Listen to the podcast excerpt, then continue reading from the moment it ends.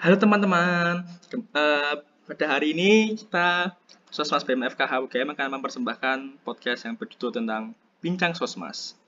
Mungkin kalian bertanya-tanya, apakah apa itu Bincang Sosmas? Nah, Bincang Sosmas adalah sebuah podcast yang dipersembahkan oleh Sosmas BMFK UGM yang akan menjelaskan dan membranding tentang apa itu Sosmas BMFK UGM. Nah, pada kesempatan kali ini, saya tidak sendiri. Saya ditemani oleh beberapa teman saya. Mungkin yang pertama, teman saya dari Ketua Sosmas BMFK UGM, Eri Haryani. Halo teman-teman. Nah, selain Eri, kita ada teman lagi nih. Namanya Asura Alika. Say hi. Halo teman-teman, perkenalkan aku Zura. Nah, ada ada dua kan? Nah sekarang teman selanjutnya Dita. Saya Dita. Halo aku Dita. Ah ah mungkin kalian cewek semua kan? Nah ini dan cowok nih namanya Lukman. Saya hai Lukman. Halo semuanya kenalin aku Lukman. Nah yang terakhir ini ada teman kita. Samanya Maulin. Saya hai Maulin. Halo semuanya aku Maulin Oke, nah untuk untuk yang pertama kita akan memperkenalkan proker yang paling dekat nih, KKNBT. Nah, mungkin karena seharusnya Ratna sebagai ketua proker KKNBT tidak bisa hadir pada malam ini, maka dia akan diwakilkan oleh Eri Haryani. Monggo, saudara Eri. Ah, Halo teman-teman, uh, aku izin menjelaskan tentang proker KKNBT ini ya. Nah, untuk KKNBT itu sendiri, KKN Basic Training itu ditujukan untuk mahasiswa mahasiswa akan melaksanakan KKN. Nah, isinya apa sih? Jadi di KKN Basic Training ini kita memberi pelatihan dan juga uh, gambaran kegiatan ketika pelaksanaan KKN nanti. Untuk hmm. pelaksanaan di untuk pelaksanaan di tahun ini, karena kita masih terkendala situasi, jadi kita melaksanakannya secara daring dengan webinar. Seperti itu, teman-teman. Wah, wah, menarik sekali ya kegiatannya kawan-kawan. Nah, mau tanya juga nih, ini kan KKNBT kan sebuah acara yang sudah dari dulu dilaksanakan. Nah, kalau pas offline, itu ngapain aja sih KKNBT-nya? Nah, untuk acara yang dulu yang offline ini, itu sebenarnya kita memberikan pelatihan uh, terkait uh, kegiatan berbasis kedokteran hewan yang bisa kita lakukan ketika KKN nih. Contohnya seperti pelatihan pembuatan mineral block. Jadi nanti kita beri pelatihan seperti itu, terus kita juga praktek uh, gimana sih caranya pembuatan mineral block itu. Jadi nanti ketika KKN itu kita bisa sharing ilmu kita kepada masyarakat. Jadi bisa digunakan oleh masyarakat. Wow, bermanfaat sekali. Uh, mungkin Eri, uh, harapan harapan kamu setelah terlaksana yang akan BT ini nanti apa ya?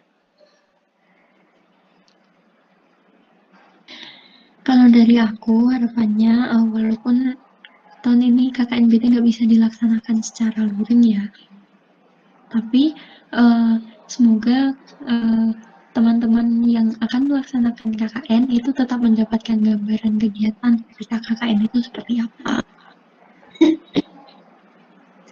Kemudian uh, juga mendapatkan ilmu baru tentunya yang bisa disebarluaskan ke masyarakat.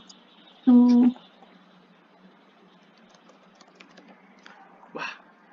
terdengar terdengar sangat menarik ya teman-teman. Mungkin sekian dari program pertama. Terima kasih Saudari Eri Haryani telah menjelaskan tentang KKN Basic Training dengan sangat jelas.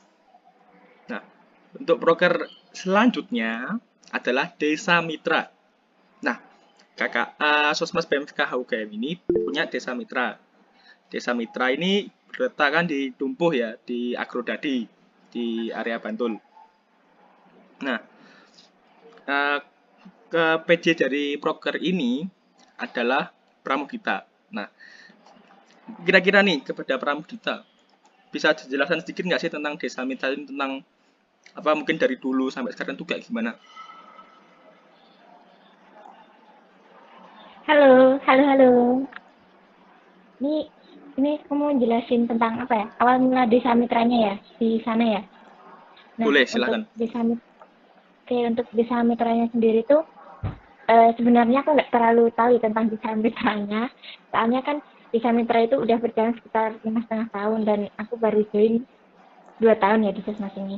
Nah, tapi dengar-dengar tuh eh, dari pendahulunya itu tuh eh, awalnya desa mitra di tumbuh tuh gini dulu kan eh, lagi cari-cari nih desa mana ya kira-kira yang cocok buat jadiin desa mitra tuh nah kebetulan tuh ada anggota sutmas yang punya bude di desa Dumbu itu dan dirasa itu desanya tuh cocok. Di sana ada ternak sapi ada ternak kambing dan eh, juga warganya tuh welcome gitu loh. Akhirnya dia mengusulkan untuk di desa Dumbu itu.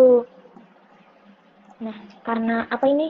Eh, di desa Dumbu itu udah sekitar lima setengah tahun lah.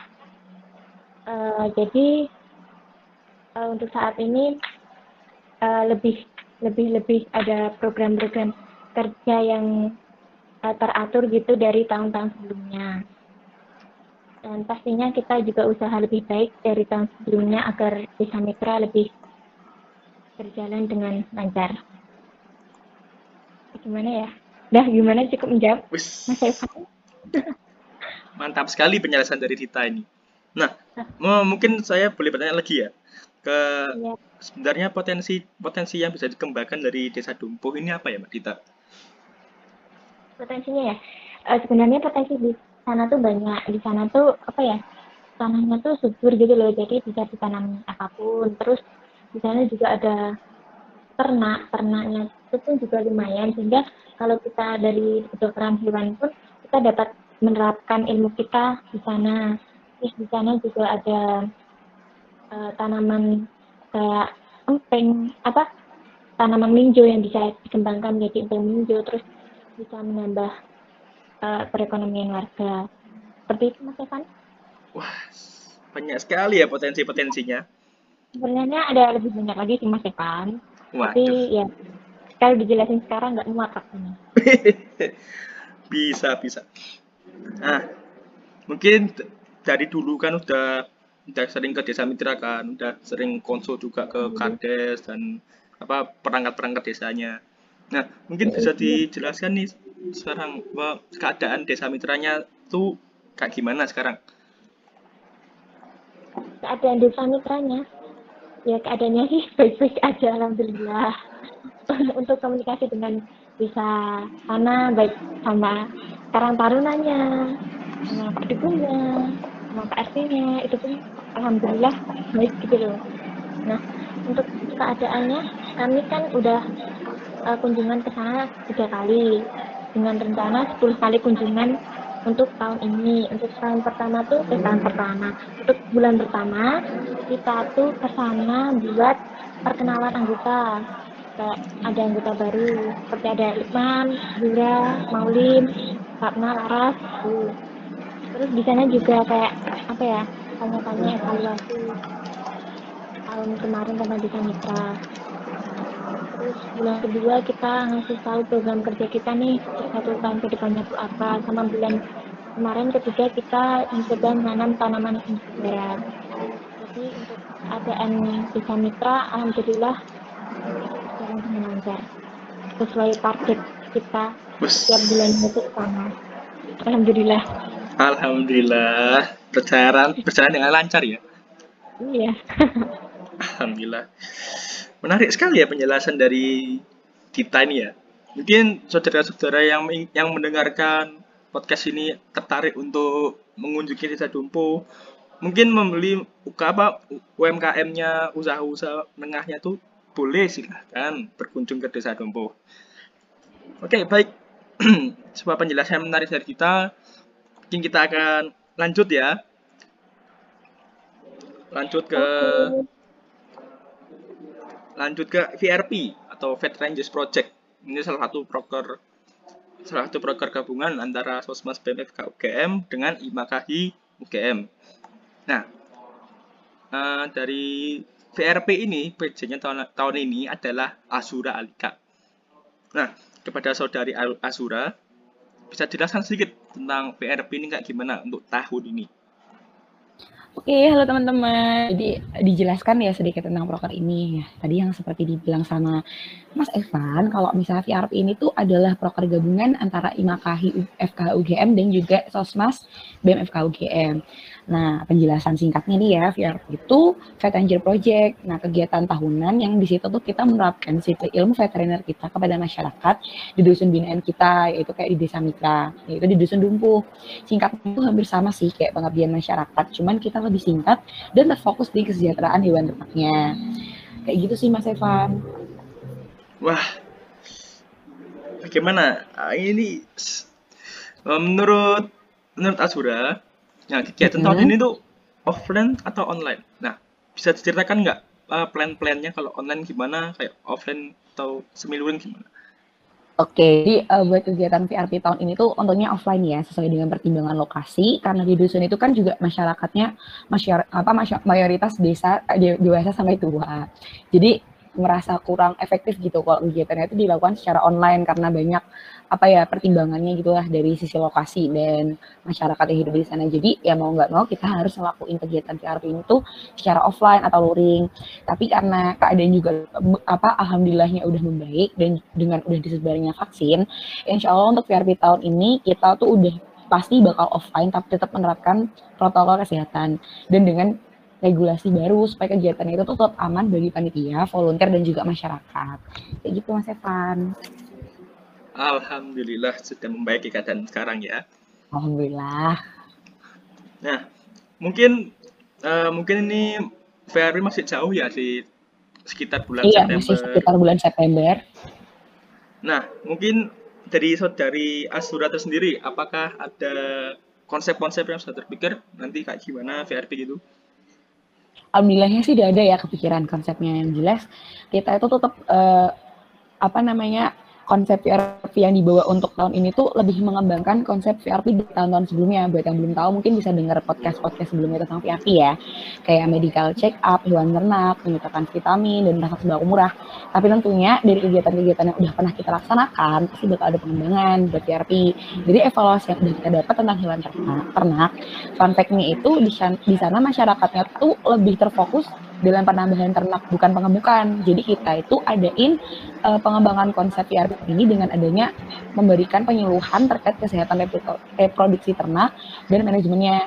Terus selain itu kita juga ada pengembangan lagi nih kan tahun sebelumnya kita ada yang uh, penanaman kangkung ya di dalam tong yang isinya apa lele itu. Nah kita kembangin dengan diadainnya uh, instalasi hidroponik yang isinya tuh nanti bakal ada tanaman pangan bagi keluarga kayak misalnya sawi atau cabai atau tomat yang ditanam secara hidroponik. Nah, tapi selain ngasih instalasi, kita juga ngasih penyuluhan buat biar orang-orang di Dumbo tuh ngerti gitu gimana caranya merawat, manajemen hidroponiknya itu. Nah, selain itu kita juga bakal ada penambahan nih tentang pelatihan pembuatan mineral block. Nah, itu tuh nanti uh, biar masyarakat desa tuh selain kita kasih ilmu tentang mineral block, tapi masyarakat desa tuh juga bisa gitu menerapkan ilmu-ilmu yang kita berikan biar nanti di PRP ini selesai mereka tetap bisa mengembangkan nih mineral block yang udah kita ajarin. Kayak gitu Mas Evan. Wah, konsepnya benar-benar mantap sekali ini. Mantul Banyak dan tentunya mensejahterakan masyarakat desa. Baik, uh, suatu penjelasan sangat mantap dari saudari Asura. Nah, selanjutnya kita akan membahas uh, tentang ini ya, tentang kasih, tentang ber, saling berbagi, yaitu fun in togetherness. Nah, dari proker ini dikepalai di di PJI oleh saudari Maulin. Mungkin dari saudari Maulin uh, bisa dijelaskan sedikit tentang apa ini Fun in Togetherness? Halo semuanya, jadi kenalin aku Maulin. Di sini aku mau ngenalin sedikit tentang FIT atau Fun in Togetherness.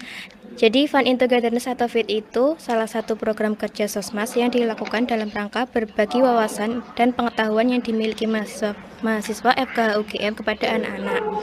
Nah, tujuan diselenggarakannya proker ini itu e, mengedukasi anak-anak mengenai kesejahteraan hewan, berbagi kebahagiaan dan menanamkan jiwa sosial kepada mahasiswa. Nah, dengan diadakannya FIT ini nanti diharapkan mahasiswa dapat menyalurkan ilmu yang dimiliki dan anak-anak bisa mendapatkan ilmu baru yang bermanfaat serta terbantu dengan bantuan yang diberikan. Gitu Mas.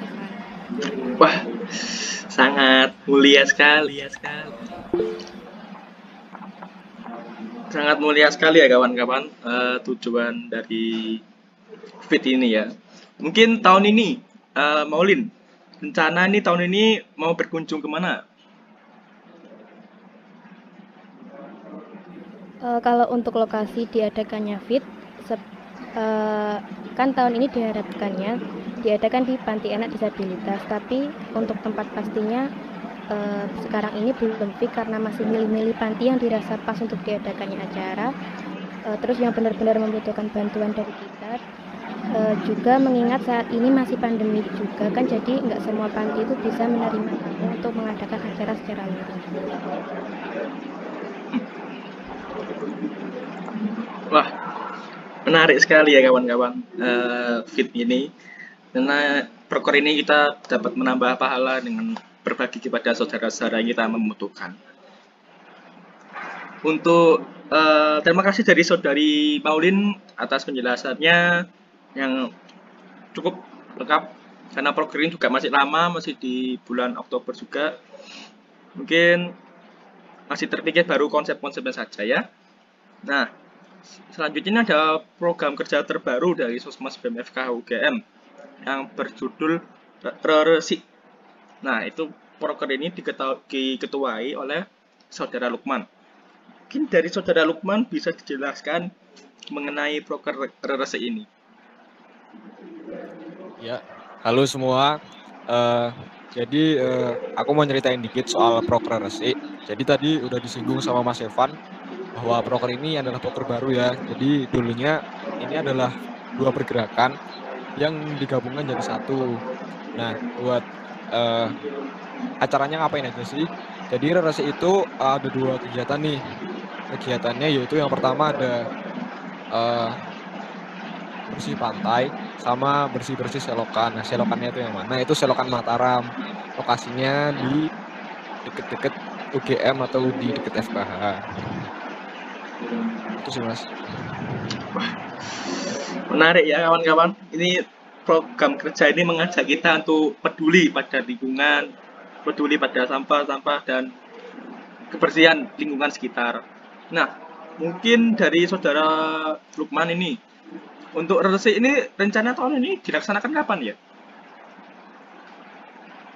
Nah, buat rencananya sendiri itu di bulan Agustus. Kenapa di bulan Agustus? Jadi aku ngulang buat yang tadi kan kita ada uh, kegiatan bersih pantai ini. Nah, di bersih pantai ini rencananya kita juga ada kegiatan pelepasan tuki. Nah, di bulan Agustus ini kita rencananya mau ngepasin lah sama peretasan telur tukinya gitu sih, Mas uh, bersama dengan pelepasan tuki. Waduh, ini uh, untuk untuk pelepasan tuki ini kita uh, mau kerjasama dengan siapa ya untuk melepaskan tuki ini? Nah, buat uh, kegiatan ini kita juga kerjasama sama sebuah komunitas namanya Respirasi nih mas. Itu lokasinya ada di pantai Salmas di daerah Bantul Yogyakarta. Waduh. Menarik, menarik. Mungkin apakah uh, kegiatan ini terbuka untuk umum untuk ke depannya? Kira-kira? Uh, kalau dari ke kegiatan kita sendiri itu kemungkinan umum masih belum ada rencana ya mas. Tapi kalau dari respirasinya sendiri tadi mereka biasa ngadain kegiatan buat umum. Jadi kalau misal uh, dari teman-teman yang mungkin bukan dari uh, sivitas FKH atau agro mungkin bisa ikut dari yang aspirasi itu mas. Baik, terima kasih saudara Lukman atas penjelasan tentang resik yang sangat mantap dan sangat komplit. Baik teman-teman, itulah uh, penjelasan dari proker-proker Sosmas BMFK UGM. Uh, teman-teman dari Sosmas BMFK UGM. Semoga uh, dapat menginspirasi teman-teman, dapat uh, menarik minat teman-teman untuk bergabung untuk apa ya bergabung dengan proker-proker kami. Sekian dan terima kasih. Sampai jumpa di podcast Bincang Sosmas selanjutnya.